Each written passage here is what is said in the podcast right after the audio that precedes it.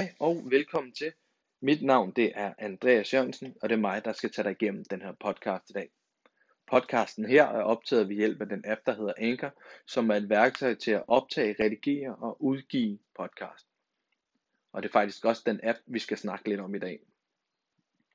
Appen finder du der, hvor du normalt plejer at downloade dine apps, og det eneste det kræver, det er faktisk, at du har en e-mailadresse og kan finde på et skidegodt kodeord.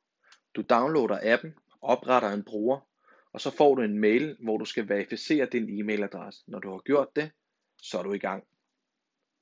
Appen har en masse fede features, hvor du kan tilføje lyde før, under og efter din podcast, hvis du måske lige vil have en intro jingle eller en outro jingle.